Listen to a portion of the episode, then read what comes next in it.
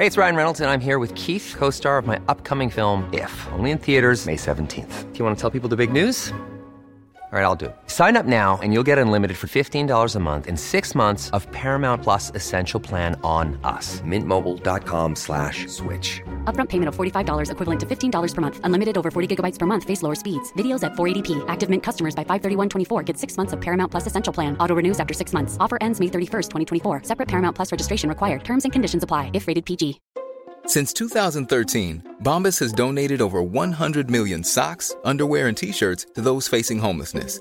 If we counted those on air, this ad would last over 1,157 days. But if we counted the time it takes to make a donation possible, it would take just a few clicks. Because every time you make a purchase, Bombas donates an item to someone who needs it. Go to bombas.com slash ACAST and use code ACAST for 20% off your first purchase. That's bombas.com slash ACAST, code ACAST. Millions of people have lost weight with personalized plans from Noom, like Evan, who can't stand salads and still lost 50 pounds. Salads, generally, for most people, are the easy button, right? For me, that wasn't an option. I never really was a salad guy. That's just not who I am. But Noom worked for me. Get your personalized plan today at Noom.com. Real Noom user compensated to provide their story. In four weeks, the typical Noom user can expect to lose one to two pounds per week. Individual results may vary.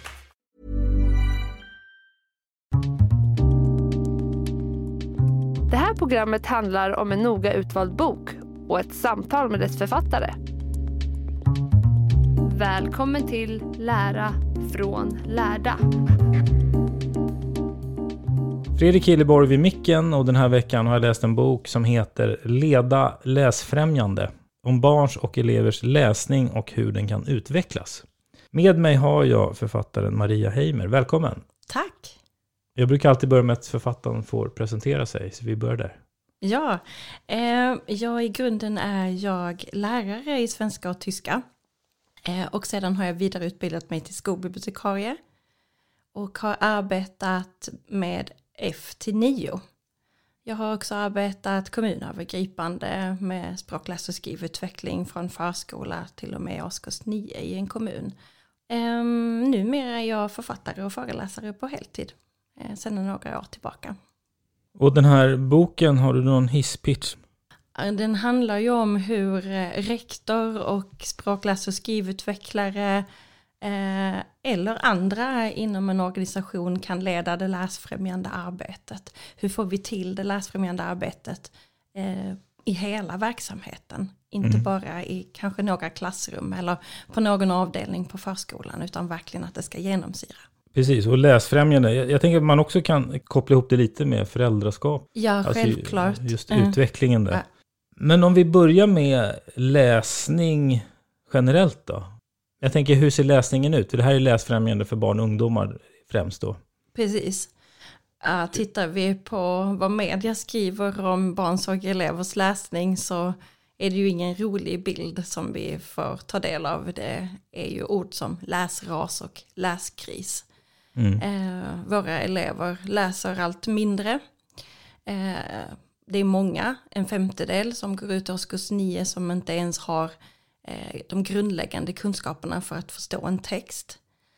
Eh, och även om det är i årskurs nio så lägger vi ju grunden redan tidigt i livet så att redan när barnet föds. Så vi behöver ju jobba medvetet med, med läsningen både i förskola skola men också i hemmet som du sa. Mm. Men, men det här med läsras, är det, är, det, är det någonting du också har sett och upplevt och hör när du pratar runt och träffar folk? Att det... Det har gått ner om man tittar på studier som Pearls och PISA eh, så ser man att det har gått ner. Eh, man ser också att gapet har ökat mellan de goda läsarna och de läsarna som inte är, är så bra läsare. Alltså det finns ett väldigt stort gap mellan eh, de Mm. läsare som vi har idag. Och, det ser man redan... Det ser man redan eh, i eh, den här Pulse-studien som görs i årskurs 4. Eh, Skolverket släppte ju analysen av den eh, som gjordes 2021 nu i våras. Eh, och där ser man att eh, gapet har ökat ännu mer. Så att vi har ju klyftor i samhället. Så de som är väldigt goda läsare de fortsätter att vara goda läsare. Medan de som är lite sämre läsare de försämras allt mer. Och det vi ser är ju att de som brister i sin läsning, det är de som saknar eh, goda hemresurser. Alltså där eh, man kanske inte har eh, någon hjälp hemma eh, med läxor och annat. Där mm. man inte har någon läsande förebilder i hemmet. Där man inte har ett eget rum att kunna göra läxor och så. så att, ehm, mm. Och igår, nu kommer vi in på skolbibliotek lite så här, eh, tänker jag, för att just det här att eh, elever behöver en lugn plats att studera på, att göra sina läxor till exempel, att läsa. Så har man ju sett i forskning att skolbiblioteket är jätteviktigt. Och igår så släppte ju Skolverket att eh, regeringen ska satsa på bemannade skolbibliotek. Så det ska ju bli spännande, för de är mm. otroligt viktiga. En självklar fråga är ju förstås, vad betyder läsningen och vad ger den? Menar, varför är det viktigt? Ja, här finns ju många olika svar och, och, det är ju frågan hur ska man titta på vad läsningen ger här och nu eller ska man titta i ett långsiktigt perspektiv? Om vi börjar med ett långsiktigt perspektiv så är det ju väldigt viktigt för det demokratiska samhället. Kan du inte läsa kan du inte ta till dig information. Du kan inte vara en del av, av samhället.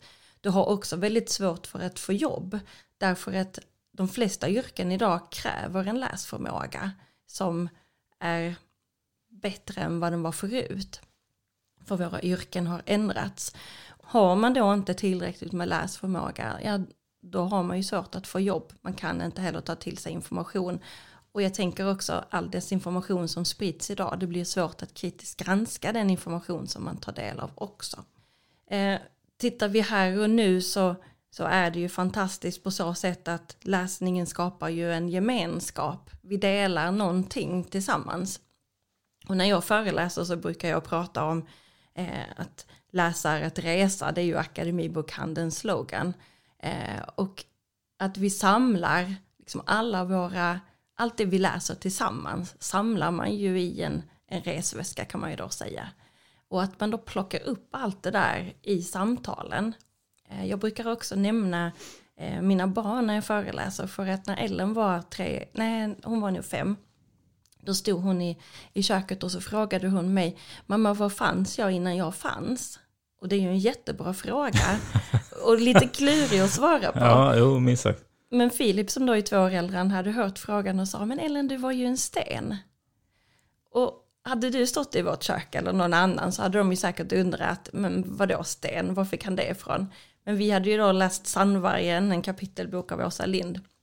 Där Sakarina som är huvudpersonen i boken går till Sandvargen för att fråga var han fanns innan han fanns. För att hennes pappa vill inte svara på var hon fanns innan hon fanns. Mm. Och då svarar Sandvargen genom just den här stenen och att han var ett glödande klot. Eh, och det här kom ju Filip ihåg och på så sätt kunde vi ju diskutera Ellens fråga och liksom ge svar på det hon undrade över. Mm. Så att läsningen ger ju också, alltså de fördjupar samtalen i vardagen, både i hemmet och i förskola och i skolan. Mm. Eh, och skapar ju en gemenskap på så sätt. Och sen handlar det också om identitet, eh, tänker jag. Eh, både att få läsa om eh, människor som är som en själv, att man kan få känna igen sig. Men också att man får ett eh, fönster mot någonting annat. Att man får se hur andra personer lever och eh, eh, utvecklas och så i olika familjekonstellationer. Det är jätteviktigt. Så det finns många svar på varför läsningen är så viktig. Och sen så tänker jag den här glädjen att liksom få förflytta sig bort, att få resa i tid och rum. Och um, något som du skriver mycket om är det här med ordförråd och Eh, språkutveckling. Ja. Det här som du beskriver som eh, ordförrådsspurt. Alltså redan när man är liten så sker det sådana spurter där ordförrådet utvecklas. Så att från ett till tre, bland treåringar så ser man att det skiljer sig redan där. Och där handlar det om att, att barnen blir lästa för och pratade med och sådär. Så att de utvecklar olika, mycket sitt ordförråd helt enkelt. Mm. Och sen vid 6-7 någonstans så ser man en, en, mer, en till spurt. Och man ser att det skiljer sig rätt mycket. Och så, mm. Eller hur? Redan, redan där så händer det mycket, även fast de själva inte läser. Ja, precis. För det är ju vuxna som läser högt med barnen. Och det kan ju vara i hemmet eller i förskolan. Eh, och hemmet säger jag gärna därför att det kanske inte alltid är vårdnadshavarna, föräldrarna. Det kan ju vara andra viktiga vuxna runt barnet. Mm. Mor, farföräldrar eller andra, alltså vänner eller så. Eh, så det är ju viktigt att tänka att börja läsa tidigt och att inte tänka att ah, men mitt barn är kanske inte så intresserat, jag väntar lite och ser om det blir det lite längre fram. För det blir det inte, utan det här är inget som bara så här popp en dag så är man plötsligt intresserad av läsning. Utan det handlar ju om att vi behöver ha böcker nära barnen. Vi behöver vara själva läsande förebilder. Vi behöver läsa med barnen och samtala om det vi läser. Mm.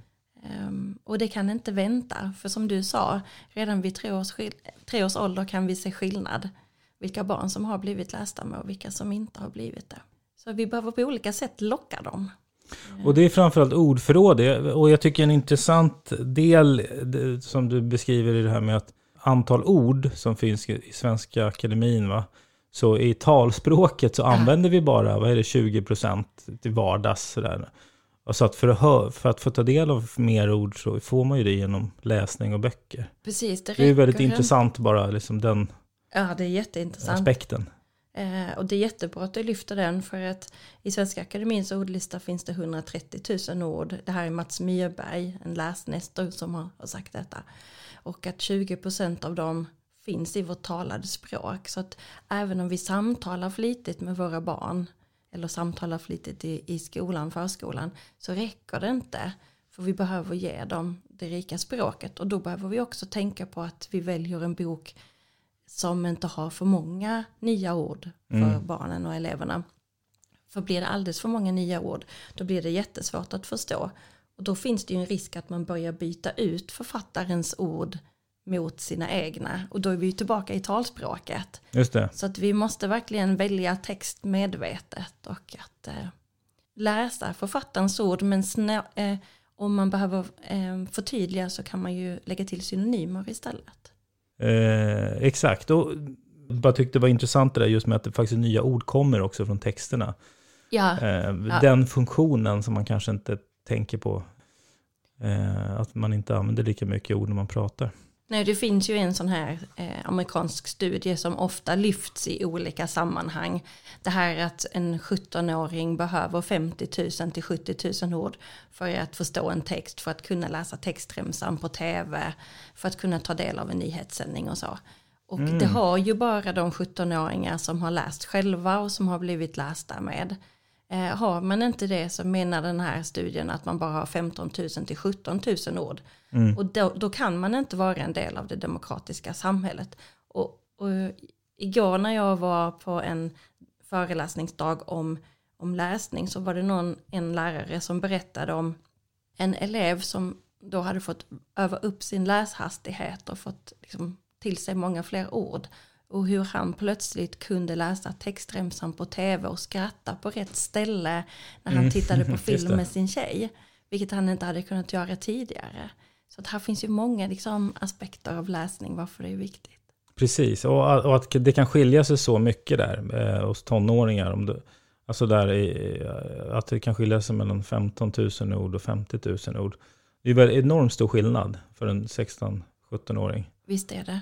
Det säger ganska mycket. Men, och, och det där med ordförrådet så- som någonstans är liksom ett resultat eller en effekt av det. Kan man gå det att mäta på något vis? Ja, forskare mäter ju det. Jag har pratat med en eh, professor i språkvetenskap om det. Ja. Eh, och då gör man någon form av lista. Jag tror det är bättre att någon eh, språkvetare får svara på den här frågan. Men på något sätt så gör man något test eh, där barnet, ungdomen får läsa ord tills dess att det liksom tar stopp. Och så Ja. räknar man hur många ord de har förstått. Ja, jag tänker också på vuxna. Det måste ju skilja sig mellan vuxna också. Ja, man har gjort en eh, studie där man har följt 70-talister. Eh, från de var små och sen i tonåren och sen har man eh, eh, tittat nu också och sett att eh, har man ett gott ordförråd som liten där vid tre års ålder så finns det goda förutsättningar för att man får ett rikt ordförråd under hela livet. Ja, Eh, och det har visat sig stämma. Ja, men jag tänkte också, alltså vi säger om, om, om man skulle mäta ditt och mitt så att du är troligtvis större eftersom du läser mycket mer än vad jag gör nu alltså. Det skulle vara intressant att mäta det som Ja, det vuxen. skulle vara intressant. Ja, det håller jag med om. och, Mm. och få reda på liksom, ja men du ligger här Mm. någonstans. Jag, jag vet inte om det är möjligt, men för eftersom även vuxna skiljer sig väldigt mycket mellan varandra, sä Ja. säkert. Och jag tänker på eh, högskoleprovet till exempel. Där är ju ett ordförrådstest. Mm. Eh, där kan man ju Just det. testa sig själv hur, Ja, om man vill precis. se. Mm.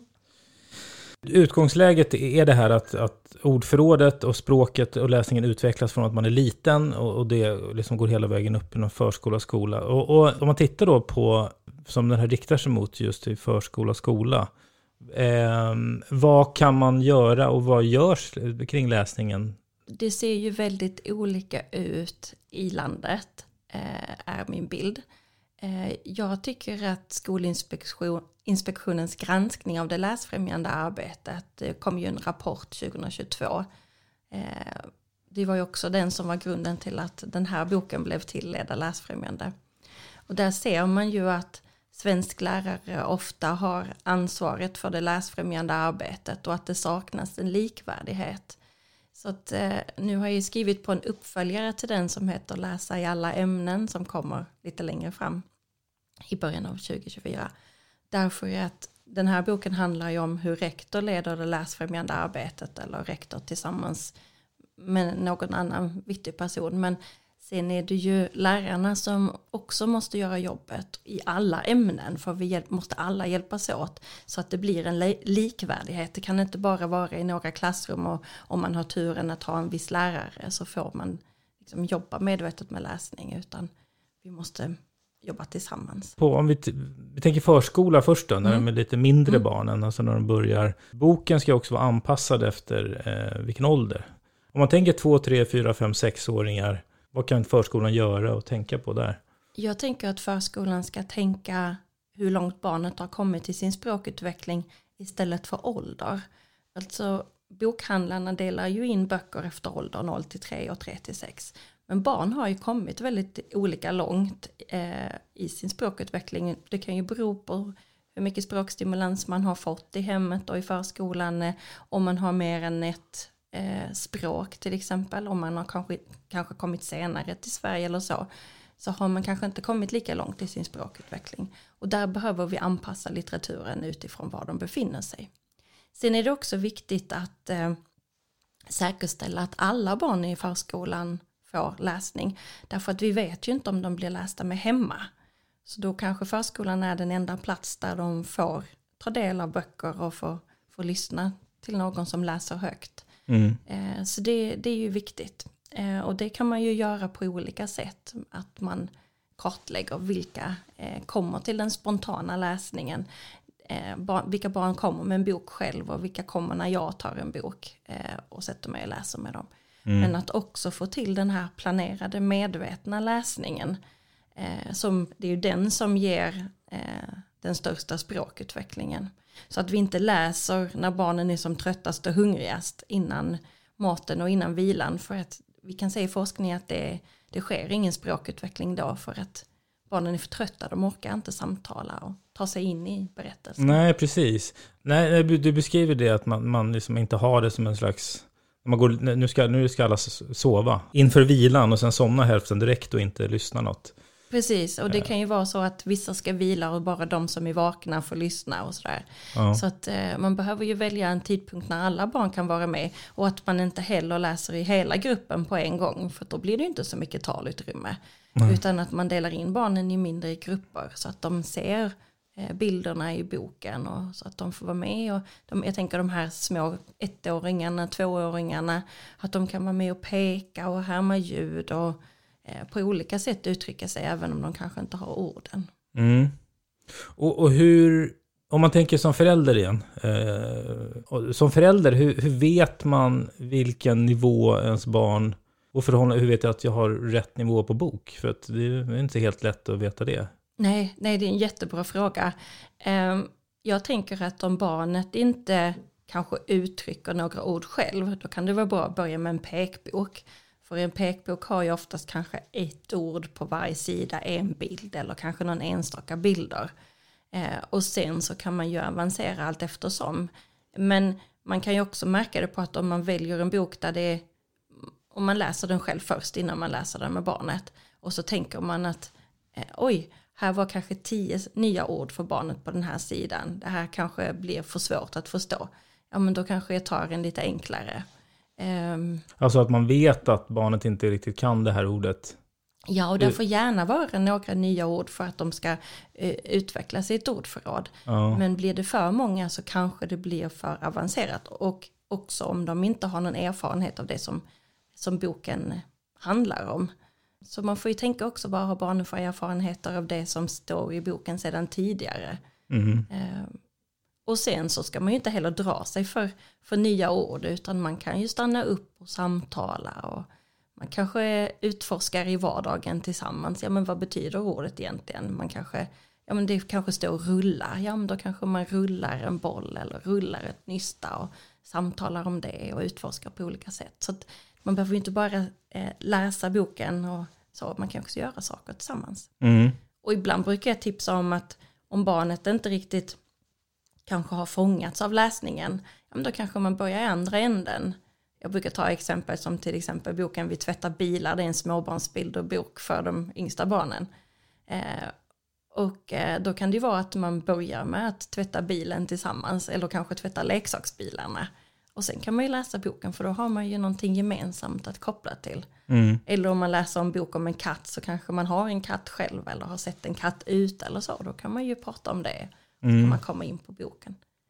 Så att om man säger generellt, och, det kanske gäller alla åldrar i och för sig, det ska ju vara att varken är för lätt eller för svår, att man ska liksom någonstans, för att, för att utvecklas så ska det ändå vara att man kanske lär sig lite nya ord. Precis. Alltså då, ja. oavsett ålder så att säga, när de är riktigt små så blir det ju väldigt enkla. Ja, då blir det mer sådana här basord, substantiv och verb, för det vet ja. vi ju från forskningen att de första hundra orden som barnen utvecklar är ju ofta substantiv och verb. Så då kan man ju, och de är ju det oftast fokus på i de böckerna för barn som är i början av sin språkutveckling.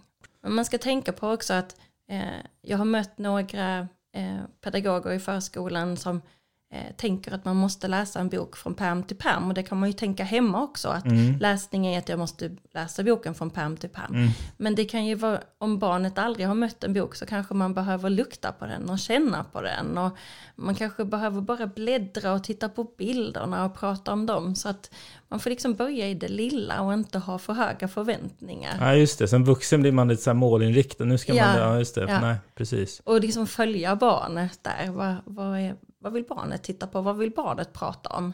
Ja. Och att lyssna in barnet så att inte jag har min agenda och sen så blir det jättetråkigt för barnet. Och jag tänkte på det där med, så du sa på, på förskolan att det inte bara blir den här att man läser i samband med vila och sen blir det inte någon direkt utveckling. Jag, jag tänker ju direkt, det är ju väldigt många föräldrar som läser på kvällen när barnen ska lägga sig. Ja, och det kan man ju också göra. Det kan ju vara en mysig stund att varva ner. Men om man vill få till det där spännande samtalet då kanske man ska läsa vid en annan tidpunkt. Eh, jag gjorde alltid så med mina barn att jag läste lite tidigare på kvällen. Eh, nu hade jag väldigt lång lästid med dem så bli inte förskräckt här. Men jag hade mellan sex och sju varje kväll. Mm. Och då läste jag med Ellen mellan sex och halv sju och Filip mellan halv sju och sju. Men de fick också vara med på varandras läsning. Men nu var de ju liksom inbitna läsare för att jag badade dem i böcker och läsning. Så, att, mm. så man ska ju inte tänka att man behöver läsa en hel halvtimme eller timme. Alltså har man inte så mycket tid så en, två, tre minuter är bättre än ingenting alls. Mm. Ja, för nu, det är väl ett, en brottningsmatch som får ihop tiden för ja. många. Eh, massa annat och så, och så blir det inte förrän på kvällen man... Men man kan ju också ta med sig en bok på bussen eller pendeltåget eller vad, hur, man nu, hur man nu tar sig. Eh, eller kanske bo, barnet har en bok i vagnen på väg till förskolan. Eh, mm, mm. Eh, det finns ju många olika sätt att att ha med böcker. Och om man också känner att nej men vi har inte råd med böcker så finns det ju bibliotek som är fantastiska.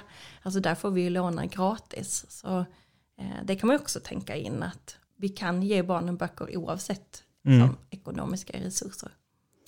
Vad finns det mer, mer att tänka på just eh, kring, kring lärandet kring boken? Du sa ju det här med att kanske eh, hinna diskutera innehållet och sådär. Alltså om man, om man tittar till, till, framförallt då kanske på förskolan när man har Eh, hur, hur, skapar man utveckling mer än att bara läsa det som står? Eh, jag till exempel kan man ju leka och dramatisera det innehållet i boken. Eh, och man kan ju också, handla boken om någonting i naturen eller så, så kan man ju ut och utforska i naturen. Eh, koppla samman med koppla det man läser. Samman, precis. Och man kan ju skapa på olika sätt förutom att dramatisera. Man kanske målar eller eh, några böcker har ju collage, använder illustratören collage-teknik där man liksom eh, sätter ihop olika material och eh, skapar illustrationerna liksom i ett konstverk. Det mm. kan man ju också göra med barnen. Så att det är bara fantasin som sätter gränser. Man behöver absolut inte ha bråttom. Utan eh, väljer man en bok som håller för omläsning. För det är bra att barnen får höra samma bok många gånger. Det är också så man liksom befäster ordförrådet. Mm. Och fördjupar sig i innehållet. Ehm, och då kan man ju jobba på olika sätt. Så man behöver ju inte läsa varje gång, man kan ju också skapa på olika sätt. Mm.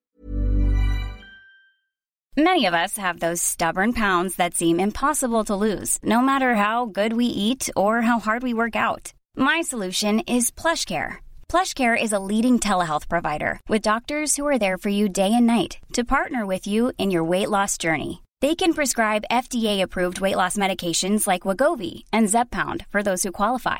Plus, they accept most insurance plans. To get started, visit plushcare.com slash weight loss. That's plushcare.com slash weight loss. Hey, Dave. Yeah, Randy. Since we founded Bombus, we've always said our socks, underwear, and T-shirts are super soft. Any new ideas? Maybe sublimely soft. Or disgustingly cozy. Wait, what? I got it. Bombus Absurdly comfortable essentials for yourself and for those facing homelessness. Because one purchased equals one donated. Wow, did we just write an ad? Yes. Bombas. Big comfort for everyone. Go to bombas.com slash ACAST and use code ACAST for 20% off your first purchase. Hey, it's Ryan Reynolds, and I'm here with Keith, co star of my upcoming film, If, only in theaters, May 17th. Do you want to tell people the big news? All right, I'll do it. Sign up now and you'll get unlimited for $15 a month in six months of Paramount Plus Essential Plan on us. Mintmobile.com slash switch. Upfront payment of $45 equivalent to $15 per month. Unlimited over 40 gigabytes per month. Face lower speeds. Videos at 480p. Active Mint customers by 531.24 get six months of Paramount Plus Essential Plan. Auto renews after six months. Offer ends May 31st, 2024. Separate Paramount Plus registration required. Terms and conditions apply if rated PG. Mm. Och, och om man tar lite äldre barn då, eh, alltså skola och sen vidare upp tonåringar och sådär. Eh, där är det ju, som du sa, det har ju sjunkit och det konkurrerar ju mer och mer med skärmar och sådär. Hur väcker man läslust? Och... Ja, jag är inte så förtjust i ordet läslust. Jag tycker bättre om läsengagemang. Jag vet att många pratar om läslust, men eh, jag tänker att det finns säkert elever som aldrig kommer känna läslust, men kan känna ett engagemang och engagera sig i texten.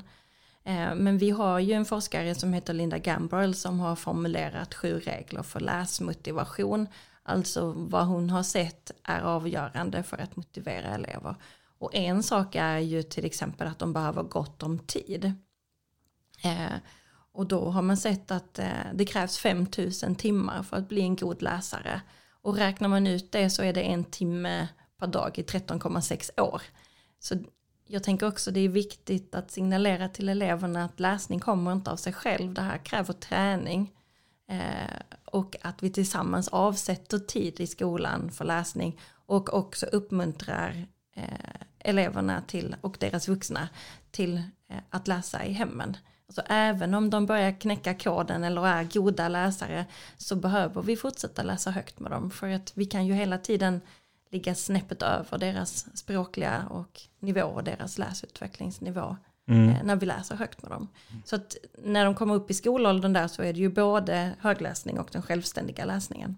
I den här boken så är det också ett viktigt budskap. Du pratar mycket kring liksom rektorns ansvar, alltså det övergripande eh, satsningarna alltså uppifrån så att säga. Det, det, handlar inte bara om pedagoger och lärare alltså, som, är, som träffar eleverna, utan det är helhets Eh, om man då tittar, om vi kommer tillbaka till det som vi sa inledningsvis, det här med läsras och läskris. Alltså vi ser eh, siffror på att eh, läsningen idag fungerar inte.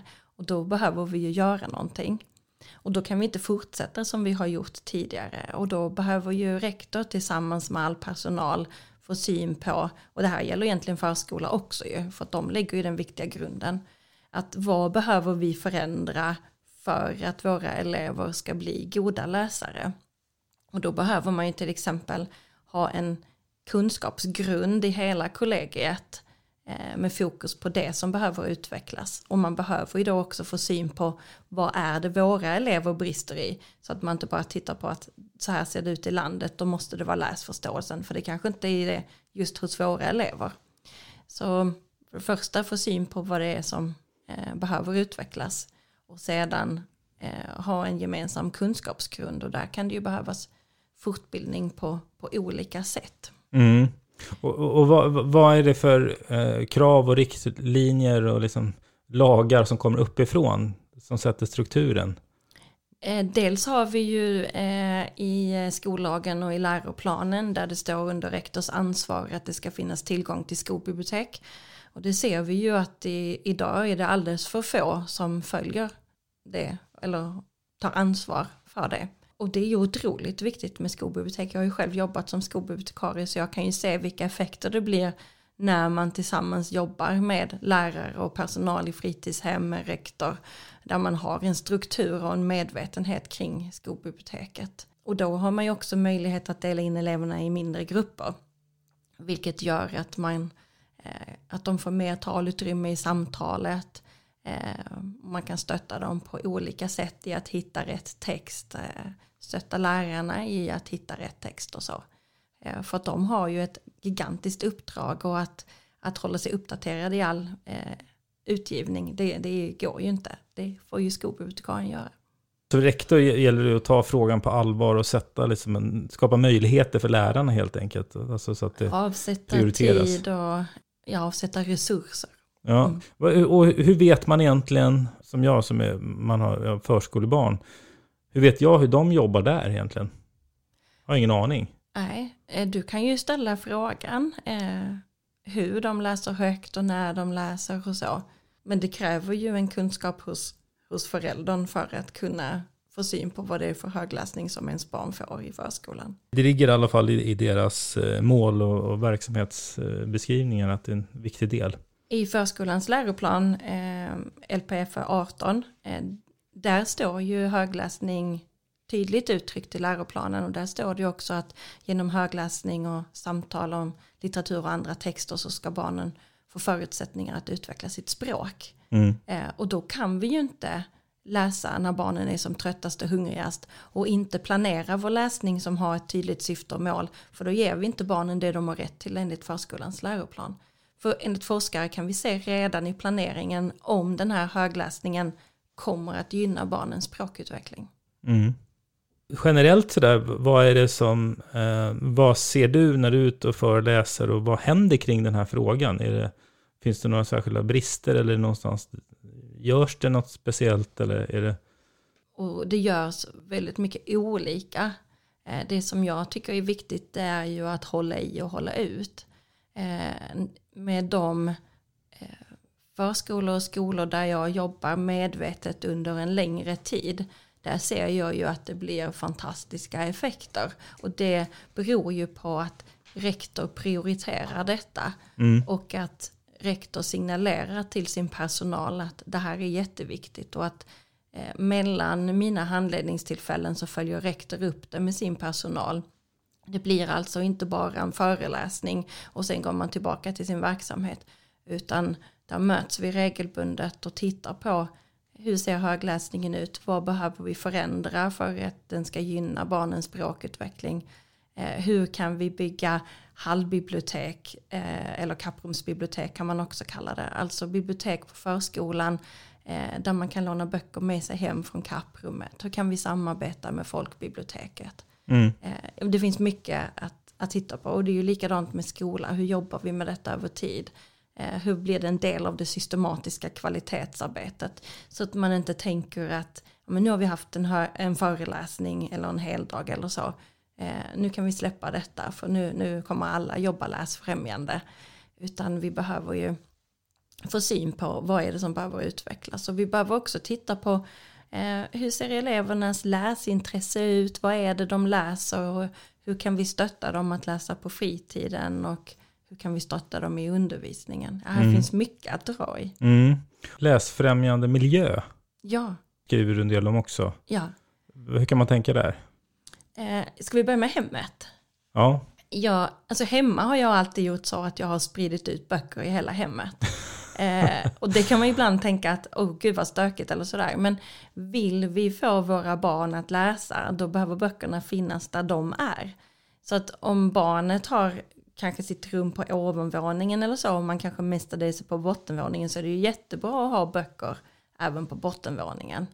Eh, och man kan ju ha böcker i, vid skötbordet. Jag brukar eh, tipsa om en sån här bläckfisk som finns på eh, Ikea med, där man kan hänga underkläder i. Och där kan man ju hänga pixiböcker eller eh, så. Eh, pixiböcker är sådana tunna som man kan köpa i bokhandeln.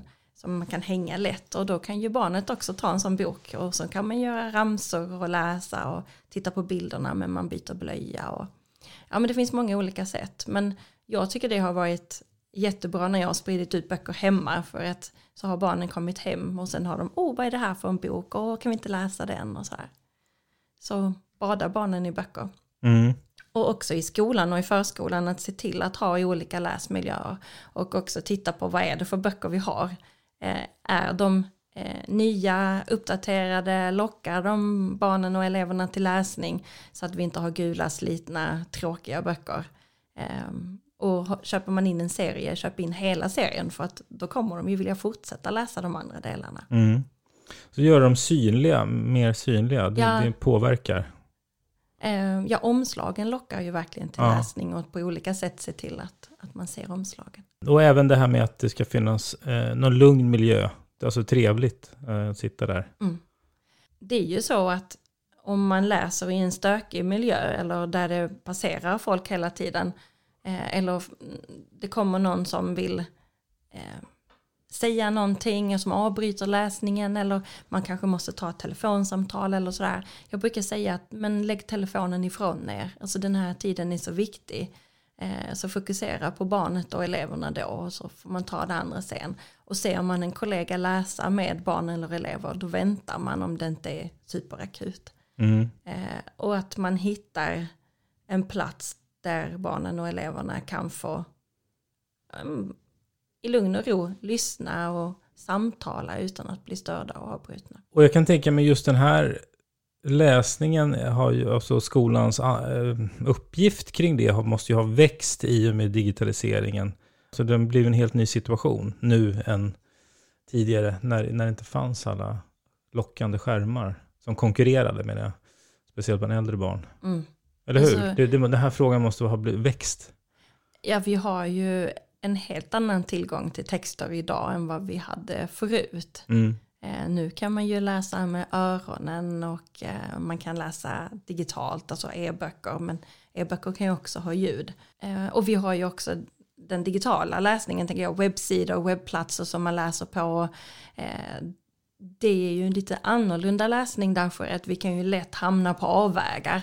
Så läser man någonstans och så klickar man sig vidare och så plötsligt är man någon annanstans. Eller om man ska komma tillbaka till en text några dagar senare så kanske inte texten ser likadan ut för det är någon som har hunnit uppdatera den. Så vi behöver ju jobba både med eh, de eh, analoga texterna och de digitala.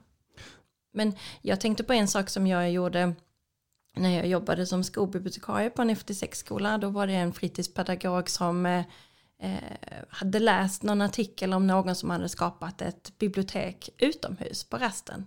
Och på den skolan som jag jobbade hade man planerade rastaktiviteter. Men han hade då observerat att vissa elever var aldrig med i de här planerade aktiviteterna. Och han tänkte att om det finns böcker ute så kanske vi skulle kunna locka dem till läsning. Så då frågade jag rektorn om jag fick köpa in en vagn eh, som vi kunde rulla ut på rasten och det gick hon med på. Och vaktmästaren monterade den och jag fyllde den med böcker och sen så rullades den ut på rasterna. Och det blev ju ett extra lässug därför att då hade de tid att bläddra och titta. Och sen så kom de in kanske efter lunchen till mig. Du, jag hann inte läsa klart den där boken som var ute på rasten. Kan, eh, kan jag få låna den med mig hem? Självklart. Och så lånade jag ut den och så fyllde jag på vagnen med nya böcker. Mm. Så att ha böcker utomhus också, om det inte regnar, är ju Mm. ett jättebra eh, alternativ. Och, och det här med att eh, de barnen, ungdomarna får välja själva vilken bok de ska läsa kan ju vara på gott och ont. De kanske, det, det blir också för lätt. För jag menar, å, å ena sidan, för vissa så kanske det är huvudsaken att de börjar läsa. Att Man brukar prata om att Zlatan-boken gjorde mycket för väldigt många. Att man blir intresserad och så Mm. många läste den för att man träffade dem rätt så att säga. Att välja själv kontra också att det ska vara utvecklande. Det står ju lite mot varann kanske ibland. Ja, det gör det. Alltså, tillbaka till Linda Gambords sju regler för läsmotivation. Så vet vi ju från dem att en regel är ju att om eleverna får själva välja vad de vill läsa så, så ökar deras läsmotivation. Samtidigt så, alltså hemma kan vi ju tänka att ja men där kan de ju läsa på, alltså få upp sin läskondis och så. Men de behöver ju också utvecklas, alltså de får inte fastna i det. Och hur gör vi då? Mm. Eh, där- Precis, hur gör vi då? Ja, alltså när jag jobbade som skolbibliotekarie men också som lärare för då läste jag otroligt mycket. Det, det hänger ju på att, att man vet vad man ska eh, lotsa eleverna vidare till.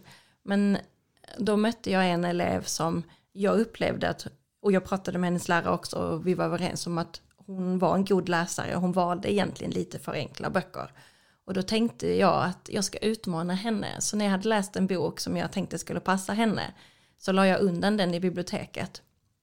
Och sen när hon kom så sa jag, vet du, jag har läst en bok som jag tror du skulle gilla. Eh, och så berättade jag om den och så tittade hon på den och så sa hon, fast du den är ju jättetjock. Eh, ja, jag vet att den är tjockare än vad du brukar läsa. Eh, men jag vet, eller jag är nästan övertygad om att du ska, alltså du kommer klara av att läsa den, för att annars hade jag inte gett den till dig. Alltså då funderar hon ju fram och tillbaka, hur ska jag göra om jag inte klarar av att läsa den? Och, Hur gammal var jag? Hon gick i trean. Eh, Eh, I grundskolan. Ja, Mm. mm. Ehm, men sen tog hon den och så sa hon, ja men, men jag tar den och, och om jag inte gillar den eller om jag inte förstår den så kommer jag tillbaka. För då hade jag lovat att jag skulle stötta henne också och komma vidare. Eh, och efter två veckor kom hon tillbaka med det största leendet som jag någonsin har sett. Och, eh, och då var hon jättelycklig för hon bara, det här var, den här var fantastiskt bra. Eh, kan du ge mig något liknande? Och sen hade hon ju liksom utmanat sig för då kunde hon ju gå upp och läsa mer avancerade böcker. Sen Mm. handlar det ju inte bara om tjockleken, för det är också innehållet och det ser man ju om man läser boken. Men jag tänkte att här var ett sätt att möta henne i det som jag visste att hon tyckte om att läsa, samtidigt som jag försökte utmana henne. Mm. Och bokprat och bokattacker är ju också jättebra. Att man liksom är inne i klassrummet, att man berättar om olika böcker, att man då innan stämmer av med läraren. Vad gillar eleverna i den här klassen att läsa? Eh, var befinner de sig i sin läsutveckling så att man träffar rätt? Och då har jag alltid också visat så här, här finns bilder i dessa eller om det inte finns bilder och så här mycket text är det och så här. Mm. Och ibland har jag också bara bestämt med läraren att jag går in och kör något kapitel högläsning ur en bok. Så då har jag kanske valt ut två kapitel som är sådär, man kan inte släppa dem. Och sen slutar det med en cliffhanger och då så säger jag, ja men boken finns att låna i biblioteket. Ja, just det. Och så kan man ju göra hemma också.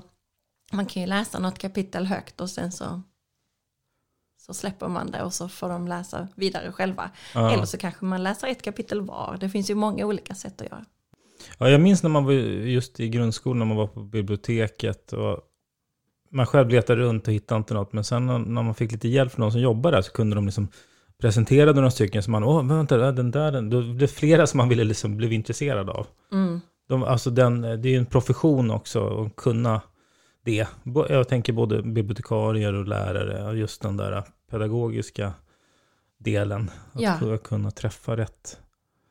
Eh, Så att man inte bara strövar runt och barnet själv.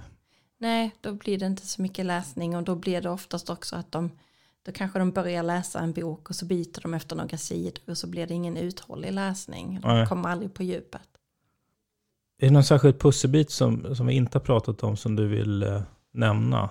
Ja, det vill jag. Eh, Jag tänker på det här med tillbaka till skolan, tänker jag. Det här vi sa om att eh, en femtedel av våra elever i årskurs 9 inte har de grundläggande kunskaperna för att förstå en text. Eh, så möter jag ofta pedagoger som säger att men läroplanen är så omfattande, vi har inte tid att lära eleverna lässtrategier och att liksom, packa upp texten, att jobba med den medvetet, utan att man då istället sammanfattar texten för att man vill stötta eleverna och för att man ska komma vidare. Om jag istället för att lära eleverna hur man gör när man stöter på någon, en text där man behöver förstå den, så får man ju hjälpa dem med genom att använda lässtrategier. Det kan ju vara att man använder en tankekarta till exempel för att bena upp vad handlar den här texten egentligen om eller eh, det finns olika modeller. Eh, det finns någonting som heter vändiagram där man kan jämföra texter med hjälp av två cirklar som hänger ihop. Eh, det finns många olika strategier. Om man då tänker att jag har inte tid att jobba med de här olika lässtrategierna för att stötta eleverna i hur de ska förstå den här texten. Det tar för lång tid att jobba med den. Det går fortare om jag sammanfattar den, att de inte behöver anstränga sig. Då gör vi inte eleverna till självständiga läsare, utan då blir de ju beroende av oss. När de stöter på en text som de inte förstår så behöver de oss för att kunna förklara, sammanfatta vad texten handlar om. Istället för att om jag stöter på ett svårt ord, aha, jag har lärt mig att jag ska titta i den omgivande texten, finns ordet förklarat där? Mm. Om jag läser en gång till, kan jag förstå det då? Finns det någon del av ordet som jag förstår som kan stötta mig i min förståelse? Alltså att jobba med olika strategier. Mm. Och det behöver vi ju hjälpa dem för att hur ska, vi, hur ska de annars kunna läsa när de inte har läraren eller någon annan vuxen vid sin sida? Lässtrategier istället för att sammanfatta åt dem, vad är det lärare kan göra istället? Eller? Ja, precis. Aha, så Tänk... att de inte lär sig själva, utan de får hjälp med att sammanfatta? Ja, sedan kan man ju sammanfatta tillsammans, men man måste ju hela tiden stötta dem i om jag inte förstår en text, hur går jag tillväga då? Mm. Om jag nu ska läsa den här texten, vilka lässtrategier kan jag behöva? Mm. Just det. För att ta mig an den. Och det är ju olika beroende på vad det är för text. Ja, exakt. Jag tänkte en sak till förresten. Ja. Att om det är nu någon som lyssnar som tänker, ehm, nu måste vi utveckla vår läsning. Eh, och då kanske man tänker att först gör vi så och sen gör vi så. Och så att man går i den här aktivitetsfällan som jag skriver om i boken. Att man eh, fastnar då kanske för att ja men nu, nu måste vi gå vidare till nästa steg för det står i vår plan att vi ska gå vidare nu. Men då kanske man ser att nej men eleverna förstår fortfarande inte vad de läser. Och då kan vi inte gå vidare. Så planera, alltså titta noga på, kartlägg vad eleverna behöver utveckla. Eh, jobba med det, följ upp och se resultatet. Men planera inte nästa aktivitet förrän man har sett att det här har gett effekt. Eh, och att man kan jobba vidare med, med någonting nytt inom läsningen. Därför att själva läsuppdraget är ju så gigantiskt. Mm. Ja, och det låter generellt tycker jag som att man, det, det handlar mycket om att alltså, läsa av, alltså läsa av eleven, vart den står någonstans, eller barnet. Och anpassa och vara flexibel i liksom nuet, inte följa någon jag, jag, jag, tycker det kan liknas lite med det här om jag som förälder bara liksom, nu ska vi läsa ut från perm till perm. Mm. Utan läsa av situationen istället. Det behöver inte bli så om inte barnet eh, är med på det, utan kanske kan stanna på en sida. Jag upplever att det är lite samma sak där, man måste ju läsa av situationen Ja. Vart står barnen? Vart ja. är de någonstans? Och inte följa en plan. Nej, precis. Och vi kan ju inte heller tänka att så här brukar vi göra i förskoleklass eller så här brukar vi göra i årskurs 4 eller årskurs 1 på gymnasiet eller vad det nu är. Därför att vi måste ju se var befinner sig våra elever nu. Eh, och har då barn till exempel i förskolan inte fått högläsning för att man har haft läsvila, de har kanske sovit då. Ja, då måste ju förskoleklass jobba på ett annat sätt för då har kanske inte barnen de vet inte vad läsning innebär, de har inte fått det, de kanske inte har fått så många ord med sig heller. Mm. Så vi måste säkra alla de här övergångarna också. Och även om en elev börjar i årskurs 4 eller 7 eller årskurs 1 på gymnasiet så är det ju inte säkert att eleven kan läsa. Eh, och det behöver vi också få syn på. Vad, vad, var behöver vi börja? Mm. Eh, jag tänkte vi skulle avsluta med att skicka med rekommendationer. Jag tänkte en del till föräldrar kanske och en del till de professioner, alltså de mm. som jobbar inom Så vi börjar med föräldrar. Vad skulle du vilja skicka med till dem som, om någon lyssnar och är förälder? Börja läs redan idag. Och när jag säger läs så, så menar jag ju eh, ta fram böcker, titta i dem, bläddra med barnet och visa vägen till litteraturen. Eh, och har ni inte böcker hemma, låna på biblioteket. Och gör det till en mysig stund. Nu har vi pratat mycket språkutveckling och så. Och det är ju viktigt. Men det är ju också den här glädjen, gemenskapen. Hur härligt det är att liksom mötas kring en bok. Oavsett ålder tänker jag. Eh, det är svår den där balansen också mellan att mysig stund och trevligt till att man också ska vara någon, någon liten nivå så att man också utvecklar språket. Ja. Varken för mycket av det Mm. ena eller det andra. Mm. Det ska inte vara något att man ska plugga liksom. De- Nej, men jag tror inte heller att man ska tänka för mycket. Utan man ska liksom Nej. börja och sen så eh, komma igång. Och, eh, har man Viktigt då, att man läser. Det viktiga är att man läser. Och har man då kanske någon tonåring som tänker "Mm, vad händer nu här eller sådär. Eh, som kanske inte, Eh, där man kanske inte har läst hemma innan eller så. Men man kan ju läsa högt tillsammans. Man kan läsa samma bok som eh, ens barn gör. Och så kan man samtala om den. Så att det finns ju liksom många vägar. Så att man ska inte tänka att eh, jag måste göra så här. Utan eh, läs in ditt barn och, och eh, försök inspirera på olika sätt. Mm. Och om vi sist då, men inte minst om vi ska skicka iväg några rekommendationer till de som jobbar inom förskola och skola. Ehm, att läsningen är så viktig att den alltid måste priori- prioriteras. Eh, varje dag. Läsåret, hela läsåret. Mm. Eh, och att det måste finnas böcker eh, och olika texter på, på förskola och skola. Och finns det inte det, eh, ett brett och varierat och uppdaterat utbud, då är det bäst att gå till rektor och försöka få till det. Mm. Och läs den här boken för att få eh, vägledning. Om man vill lyssna på det här och vill ställa någon fråga till dig, var hittar man dig någonstans? mariaheimer.se. Där hittar man mig nog lättast. Och sen så finns jag ju också på Instagram under boksloken om man nu känner, oh vad kan jag läsa med mitt barn? Så finns där eh, massor med boktips. Jag uppdaterar nästan varje dag. Tack för att du var med. Tack!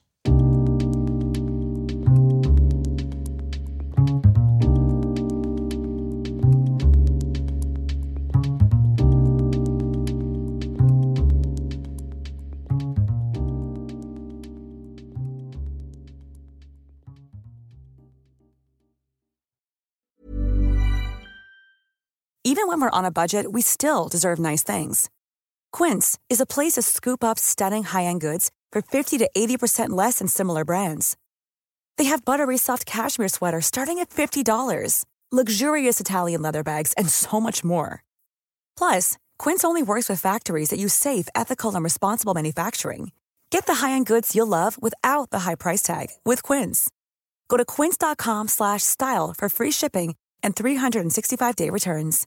Imagine the softest sheets you've ever felt. Now imagine them getting even softer over time. That's what you'll feel with Bowl and Branch's organic cotton sheets. In a recent customer survey, 96% replied that Bowl and Branch sheets get softer with every wash. Start getting your best night's sleep in these sheets that get softer and softer for years to come. Try their sheets with a 30-night guarantee. Plus, get 15% off your first order at bowlandbranch.com. Code BUTTERY. Exclusions apply. See site for details.